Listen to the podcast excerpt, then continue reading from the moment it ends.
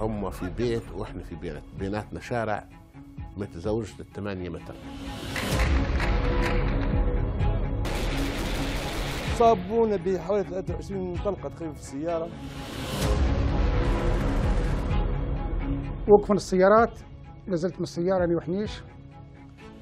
وقفنا بجنبهم. العشرون من أكتوبر عام 2011 تتسارع الأحداث في ليبيا بشكل غير مسبوق لتصنع حدثا فارقا في تاريخها. ولتنتهي مرحلة حكم استمرت لنحو 42 عاما. كان العقيد الليبي معمر القذافي محور كل شيء فيها. قطعت وسائل الإعلام العالمية برامجها الاعتيادية لتعلن القبض على رأس النظام الليبي في مدينة سرت قبل مقتله على يد المحتجين على نظامه. ولتطوي ليبيا بذلك صفحة من تاريخها الطويل ولتبدأ مرحلة جديدة صاغ فيها من أطاحوا القذافي روايتهم للأحداث منذ بدايتها في شهر فبراير من العام ذاته.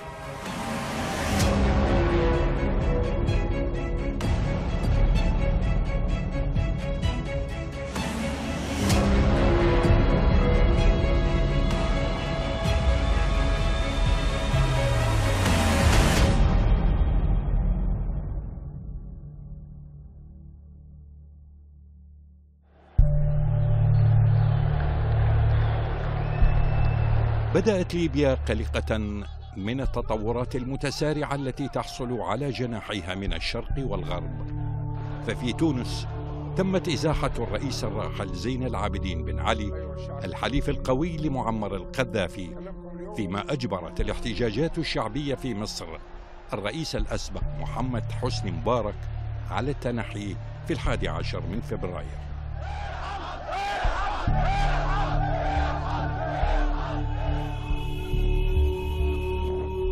بداية خرجت الاحتجاجات الشعبية في مدينة بنغازي منادية بإسقاط النظام في ليبيا ولتنطلق مواجهات دامية سقط خلالها العشرات من الليبيين.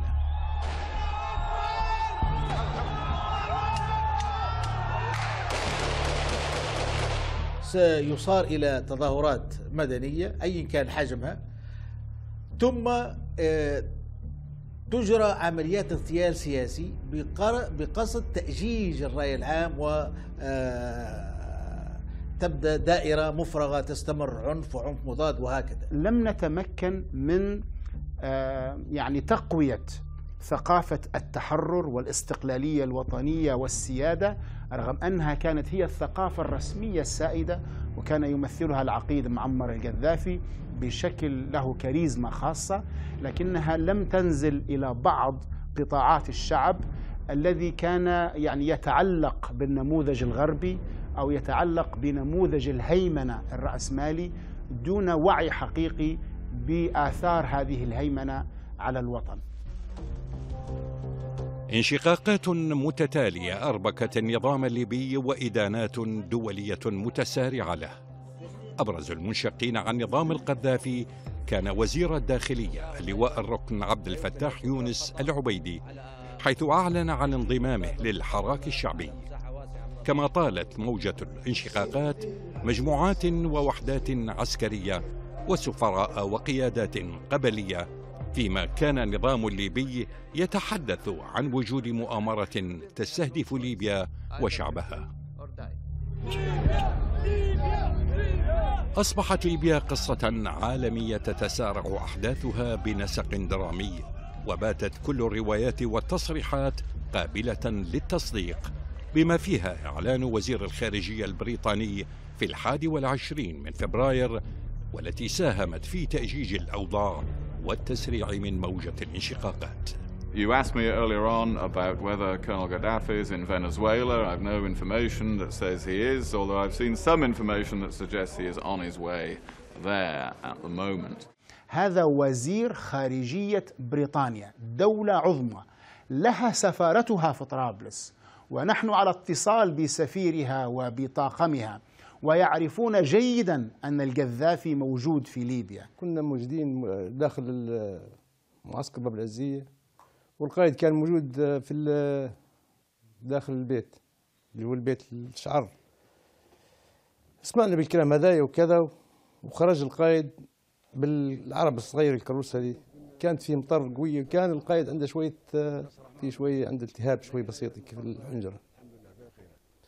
وطلع اللقطة اللي شفتوها يعني في التلفزيون هنا اللي طلع طمن الليبيين على أساس إنه ما موجود ومش ما هربش زي ما يحكوا هم يعني بس. توجهت الأنظار إلى سيف الإسلام القذافي النجل الأكبر لرأس النظام الليبي الذي رأى فيه البعض مشروعا مستقبليا لحل الأزمة. أطل سيف على التلفزيون الليبي في كلمة مسجلة. خلاص النظام الأول يتم. يعني تعديله بالكامل وانتقل إلى نظام جديد بالكامل. حتى يتم اتفاق حتى على علم جديد ونشيد جديد. نتفقوا على ليبيا جديدة ليبيا الغد. ليبيا اللي نحلم بها كلنا ونحبها وإما استعدوا أيها الليبيين للدخول في مواجهات وتقسيم ليبيا قطعة قطعة.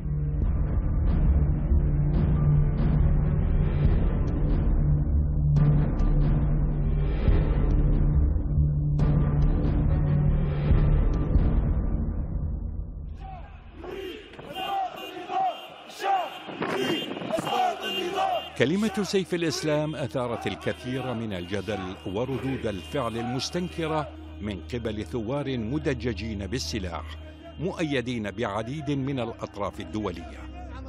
فخرج القذافي بخطاب محرضا مؤيديه على التصدي لما وصفها المؤامرة على بلاده ومشروعه. ما عنديش حاجة نستقيل منها عندي بندقيتي أنا حنقاتل لآخر قطر من, من دمي. معمر القذافي خرج مبكرا. في يوم 22 فبراير وطالب الشعب الليبي الذي خرج بعض منهم متظاهرا أن يقبض على الجرذان الذين اندسوا بينهم. أسمعه الآن يقول لشعبه أما أن أحكمكم أو أقتلكم؟ مضت الأحداث أسرع من توقعات النظام. ففي السادس والعشرين من شهر فبراير أصدر مجلس الأمن الدولي قراره الأول حول الأزمة الليبية تحت رقم 1970 ومن أبرز ما فيه حظر السلاح والسفر على أسرة القذافي وأركان نظامه فيما طالب الرئيس الأمريكي السابق باراك أوباما وبشكل مباشر القذافي بالتنحي Muammar Gaddafi has lost legitimacy to lead and he must leave. تم اتهامنا بأربع جرائم رئيسية في خلال عدة أيام فقط. وهي آه، القصف بالطيران للأحياء السكنية والقتل الجماعي لعشرة آلاف آه، متظاهر والاغتصاب الجماعي لثمانية آلاف مواطنة واستجلاب مرتزقة بعشرات الآلاف.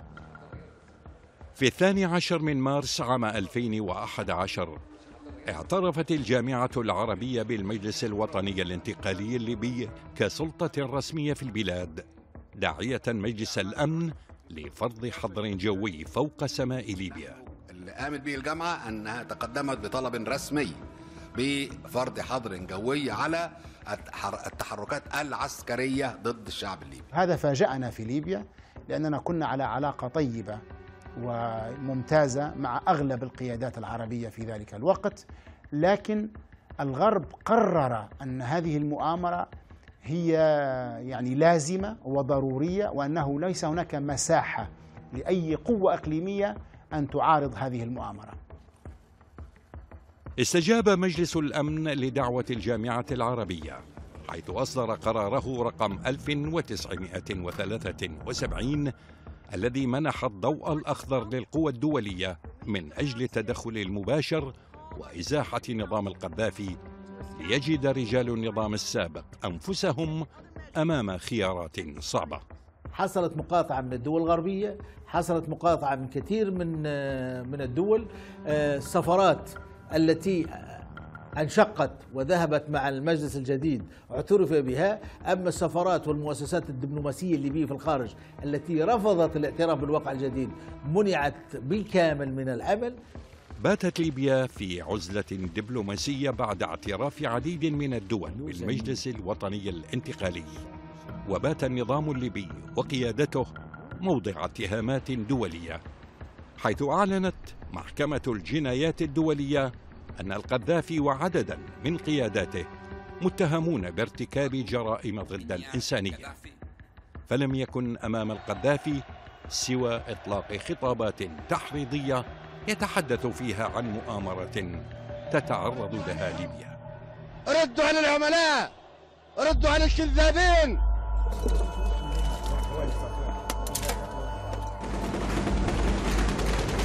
ضاق الخناق على القذافي بشدة في طرابلس التي كانت الهدف الرئيسي لهم فالسيطرة عليها تعني سقوط نظام القذافي وبدأت قوات حلف شمال الأطلسي تطبيق قرارات مجلس الأمن وتحولت ليبيا إلى ساحة عمليات يهاجم فيها الطيران أهدافا. قال الناتو حينها إنها بغرض حماية المدنيين. كان همنا كيف نوصل وجهة نظرنا للآخرين. ثم ال- المنظمات الدولية تقريبا أقفلت علينا بسرعة بعد 25 2 فلم يكن أمامنا إلا الاتحاد الأفريقي. اتجهت الأنظار إلى لجنة شكلها الاتحاد الأفريقي برئاسة جيكوب زوما رئيس جنوب أفريقيا. وصلت اللجنة إلى طرابلس تحت إجراءات أمنية مشددة. فطائرات الناتو تجوب سماء العاصمة. عرضت اللجنة مبادرة قبل بها القذافي لكن الطرف الآخر صد عنها. الحل الآن يتمثل في حضور الاتحاد الأفريقي على الأرض في ليبيا لضمان ال- الأمن والسلام وأن تعقد آه، مؤتمرات وطنية ليبية للحوار في غضون أسابيع تؤدي إلى تكوين يعني ما يشبه حكومة انتقالية أو آه، نظام انتقالي يشترك فيه جميع الليبيون. خرج أعضاء المجلس الانتقالي وأمراء الميليشيات آه، الإرهابية المقاتلة تحت إمرة هذا المجلس رافضين لتدخل الاتحاد الأفريقي وقائلين بأنهم لا يعترفون إلا بوجود الناتو في ليبيا. أصبح القذافي مستهدفا من قصف طيران حلف الناتو ووجهت ضربات متكررة إلى ثكنة باب العزيزية حيث مقره وأصبح متنقلا في العاصمة طرابلس. والله كنا نتنقلوا في بيوت داخل أحياء طرابلس يعني وضواحيها ونتنقلوا عادي الأشخاص اللي كان نعرفهم يعني في اللي معانا آه، ضابط معانا وفي اللي صديق للقائد وفي اللي مقرب للعائلة والقائد علاقات بالليبيين واجده وكثيره يعني كثيرة. ويعرف الليبيين. وعنده علاقات بهم وناخذ منهم اللي يجي يقول تفضلوا يا تفضلوا البيت بيتكم حرين نقعدوا فيه ثلاثة أربع أيام خمسة. وعادة عادة هو عادة الضرب اللي- كان يضرب فيه الناتو دائما يبعد عنا في حدود الكيلو كيلو ونص 2 كيلو. في أوقات يعني وصلت ل 700 متر تقريبا. بعد ضربوا تقريبا معسكر الفرناج. قعدنا خمس شهور. أو معهن بنفس الكيفية. الدعوة للوقف الفوري. تنحي القذافي ونظامه. كان المطلب الرئيسي منذ بدء الاحتجاجات الشعبية ليكون مطلب عدد من العواصم الغربية. فلا حل في ليبيا إلا بتنحي رأس النظام وأركانه. السؤال إحنا طرحناه ماذا يقصد بتنحي القذافي؟ افرض القذافي كان كان الطيران الغربي يقصف ليبيا على مدار الساعة. وعندما قتل يوم 30 3 إب- سيف العرب كان المقصود القذافي لأن كانوا هم متوقعين أنه موجود. بعد يقتلوه بتقف الحرب أو ما تقفش الحرب. كان هذا السؤال. شهد الوضع العسكري على الجبهات جمودا وبدأ النظام الليبي قادرا على السيطرة على العاصمة طرابلس. فيما تحولت بنغازي إلى عاصمة تشهد حراكا عسكريا ودبلوماسيا وسط حديث متنام عن اتصالات بين النظام الليبي والمجلس الوطني الانتقالي. اتصلنا بالإسلاميين واتصلنا بالعلمي السيد علي زيدان. حصل معه اتصالات وحصل اتصال مع مصراته السيد الفورتيه وما إليه. ذهب لهم الأستاذ سليمان مشحومي وهم موجودين. وقلنا لهم ماذا تريدون؟ هم كانوا يتوقعوا يعني أو يوحى لهم من الطرف الذي يدير المؤامرة أن القذافي ونظامه يريدون أن يسرقوا وقت أو يشتروا وقت. كانت روسيا الحليف القديم لليبيا الورقة الأخيرة لمعمر القذافي لكنها لم تكن حاضرة. فرحيل القذافي ونظامه هو المطلب الأول للليبيين والدول الغربية. إحنا من شهر ثلاثة تواصلنا مع الفرنسيين وتواصلنا مع الإنجليز. وكان هناك مبعوث فرنسي يفاوض فينا. آه، المفاوض من الطرف الليبي الأستاذ بشير صالح وهو معروف وهو يعني سكرتير القائد. وذهب في 14 6 5 أعتقد السيد بشير صالح إلى باريس. وجلسنا مع مع ساركوزي يقول أنت ماذا تريد من ليبيا؟ ماذا تريد؟ قل ظهور القذافي العلني وباتت تحركاته محدودة. وقد أدرك أن رأسه بات مطلوبا من الجميع دون أن يتخلى عن دوره في التحريض ضد ما أسماها المؤامرة ومتابعة سير العمليات العسكرية لكتائبه. كانت هناك خطة ممتازة للدفاع عن طرابلس. كنا متأكدين من الناحية اللوجستية والعسكرية أنها ستحمي العاصمة لشهور طويلة. كنا نأمل خلالها أن نصل إلى حلول معينة للأزمة الليبية. اعترف الاتحاد الأوروبي بالمجلس الوطني الانتقالي حكومة شرعية لليبيا وعين ممثلية له في بنغازي بعد أن تزايد اعتراف الدول بالمجلس ممثلا لليبيا. مقابل ذلك أصدرت محكمة الجنايات الدولية مذكرات اعتقال ضد القذافي ونجله سيف الإسلام ومدير أمنه عبد الله السنوسي بتهمة ارتكاب جرائم حرب. رد القذافي في رسالة صوتية أنه سينقل الحرب إلى أوروبا. تراجعوا تدابروا ولوا الإدبار. أفضل ليكم ننصحكم كل ما عندكم يتحطم. هذا الشعب قادر قادر في يوم ما أن ينقل المعركة إلى البحر المتوسط ويقدر ينقلها إلى أوروبا. وقد يستبيح بيوتكم ومكاتبكم وعائلاتكم هي كلها تصبح أهداف عسكرية مشروعة.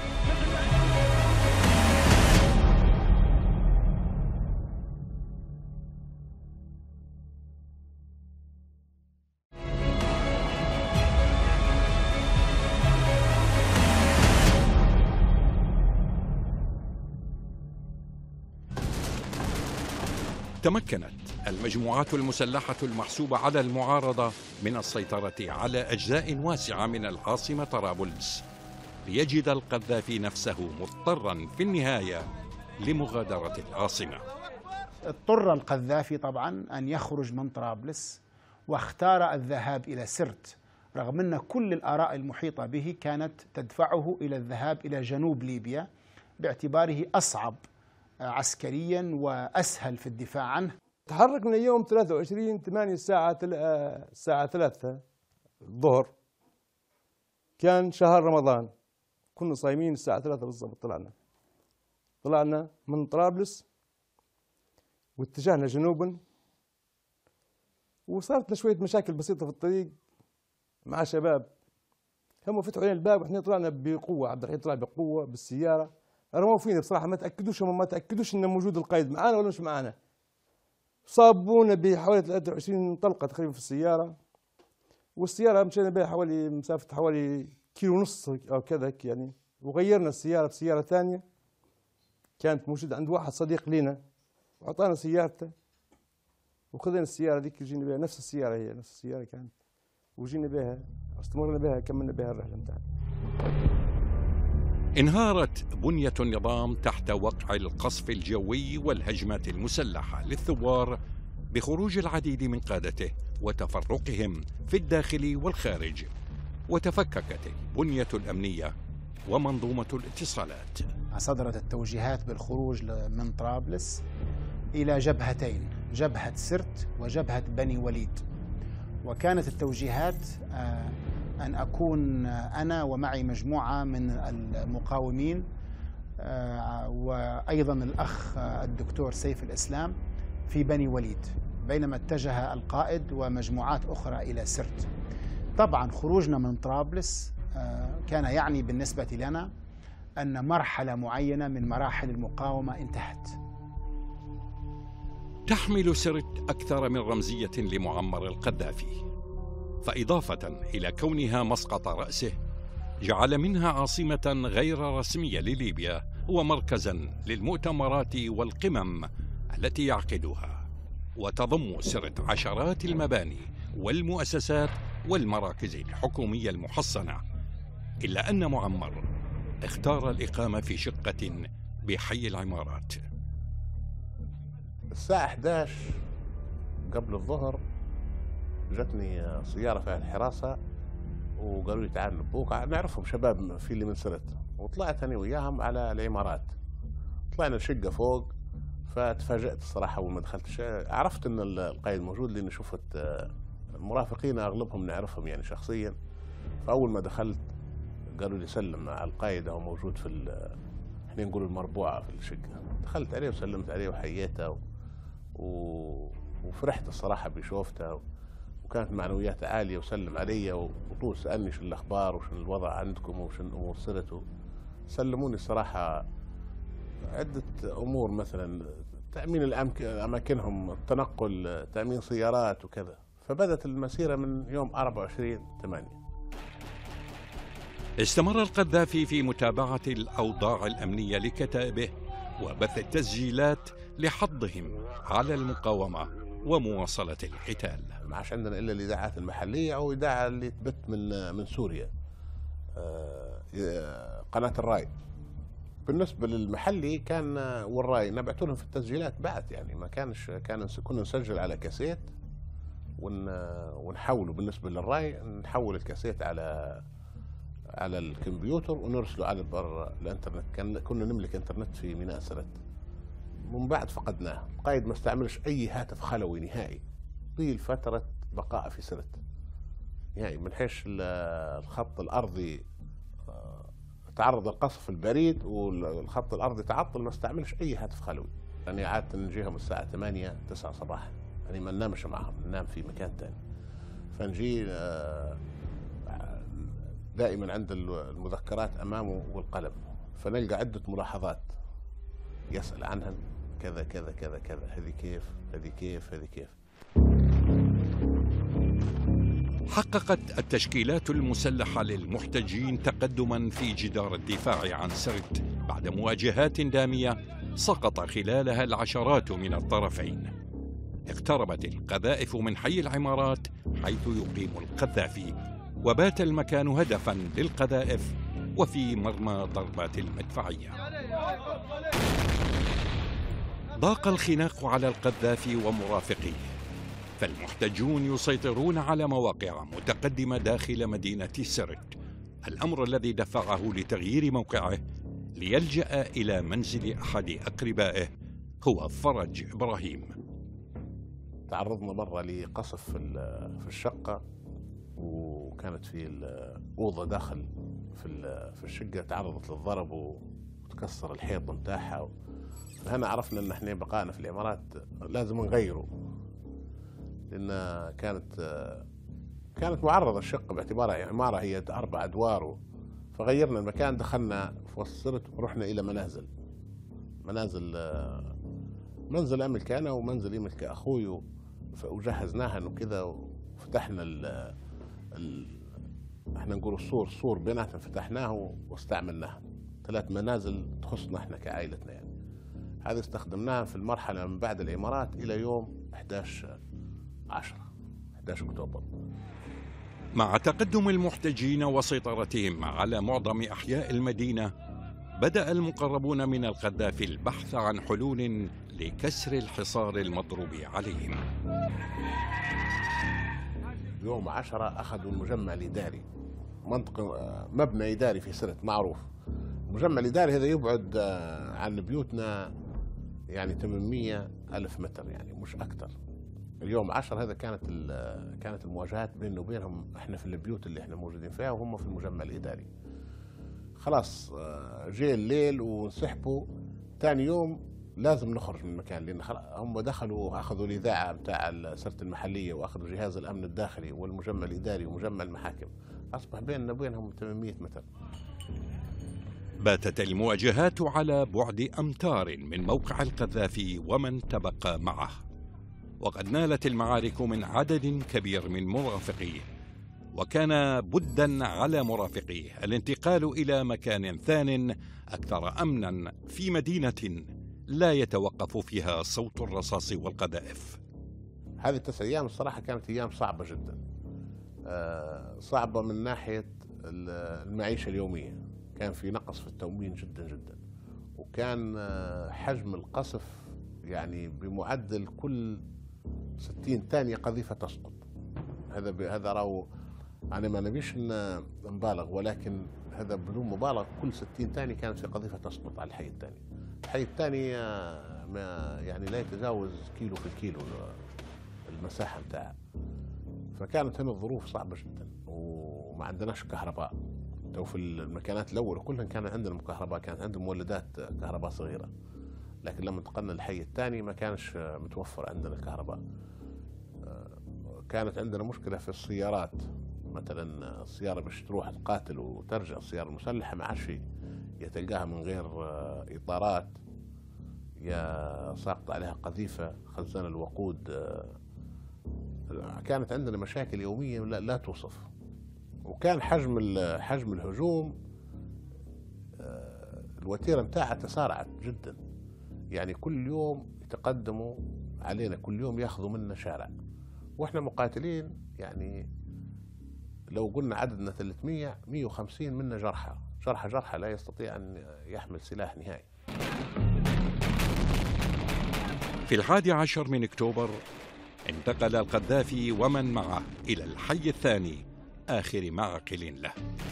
فيما استمر المسلحون في تقدمهم على جميع الجبهات وأحكموا سيطرتهم على غالبية المدينة ومرافقها.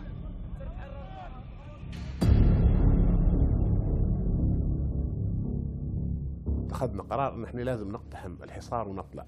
كانت المواجهات عنيفة جدا وأصبحت هم في بيت وإحنا في بيت بيناتنا شارع ما تزوجش بالثمانية متر.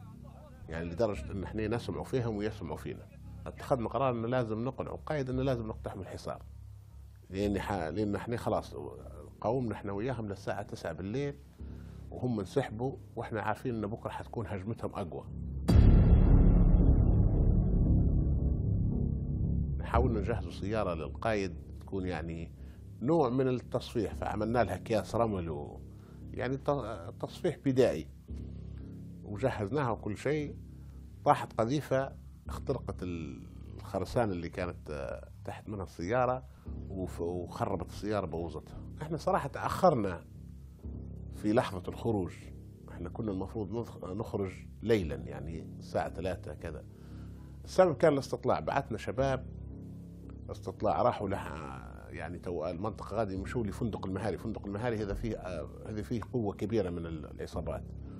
وراحوا لعنده وشافوا الطريق أمنوها وراحوا لحديد طريق طرابلس. إحنا نقولها طريق طرابلس في سرت أمنوا المكان وشافوا عدد القوة وكل شيء ورجعوا. هذا اللي خلانا نتأخر إن إحنا نطلع بعد ما طلعت الشمس وكان الوقت يعني نهار الساعة 7 صباحا. لما خلاص قررنا ساعة صفر إن إحنا نقتحم كانت صحيح ضعيفة لولا تدخل الطيران يعني. إحنا قطعنا مسافة أكثر من خمسة كيلو.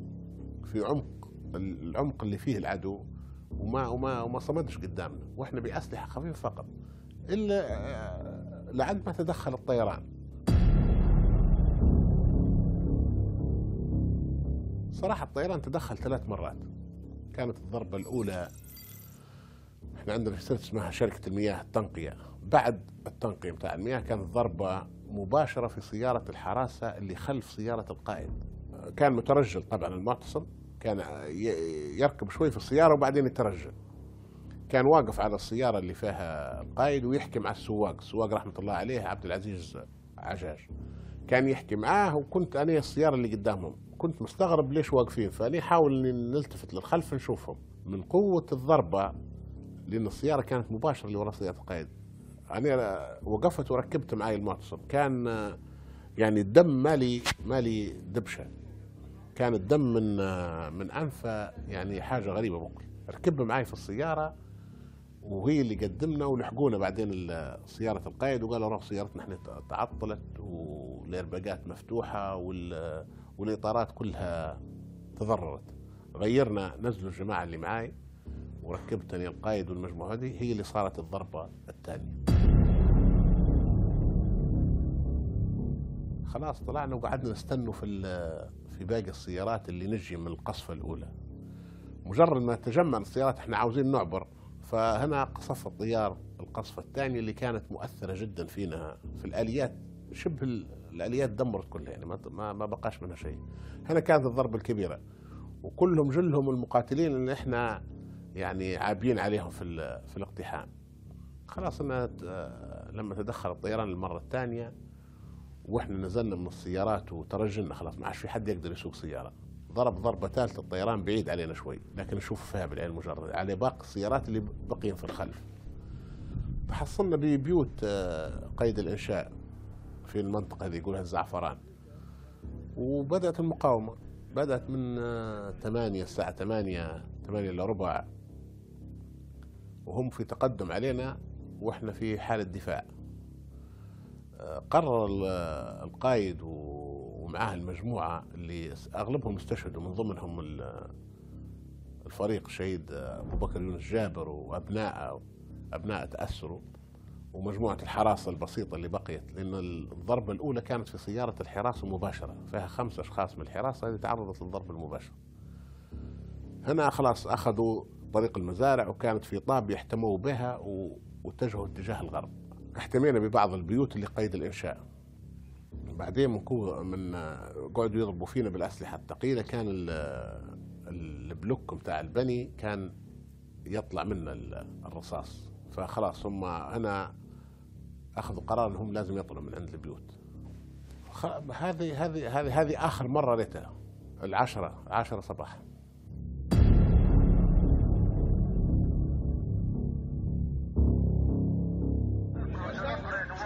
يا كلاب.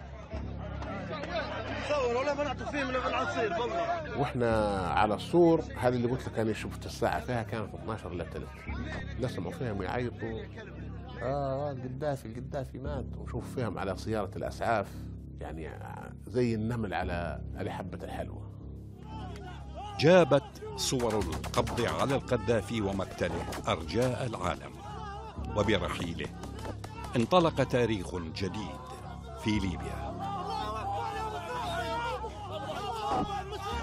هذه جثة القذافي تم عليه القبض الله أكبر الله أكبر صور صور الله أكبر صور دفن طبعا سمعوني من قبل آه، إبراهيم بيت المال. استدعاني في الليل تقريبا الساعة كانت الواحد ونص بالليل. وقال لي اللي بوقت سلع لي خالك يعني وال11 نصر. طبعا 11 نصر لازم بالسجون معايا في السجن. وخرجت بين السيارة من الاستخبارات العسكرية. وبعدين دخلنا لمكان يسمى التسويق الزراعي في مصراتة طبعا لقينا ال- الجثامين. أول شيء جثمان الشهيد عمر القذافي. بعدين جثمان الشهيد أبو بكر يونس. وبعدين جثمان الشهيد المعتصم بالله. اللهم فاشهد أني مرغم على ما أفعل الآن. مجرد ما تمت من الصلاة أنا رفعت الجثمان للقايد وضعته في السيارة. مع الآخرين طبعا ما نعرفهمش من الميليشيات طبعا. لكن شخصيا رفعت الجثمان. وضعته في السيارة. وبعدين حط جثمان الشهيد أبو بكر يونس جابر والشهيد المعتصم بالله. وخرجنا بأرات من السيارات. ما يقارب آه، دائما 20 سيارة تقريبا. طبعا اتجهنا لمكان غير معلوم. تقريبا استمرينا في المسير الساعة ساعة ونص تقريبا. طبعا المكان كان كله ليل قاتم. ما فيش إضاءة ولا فيه شيء تعرف المكان ولا وكذلك أعطوني إعاز آخر بإني ضروري نضع رجلي رأسي تحت. يعني وإحنا مش ما نعرفوش إلا الطريق أو المكان. بعد تقريبا بساعة ساعة ونص وقفوا السيارات وقعدوا يحفروا في حفرة عميقة. وبعدين قالوا لي إنزل من السيارة.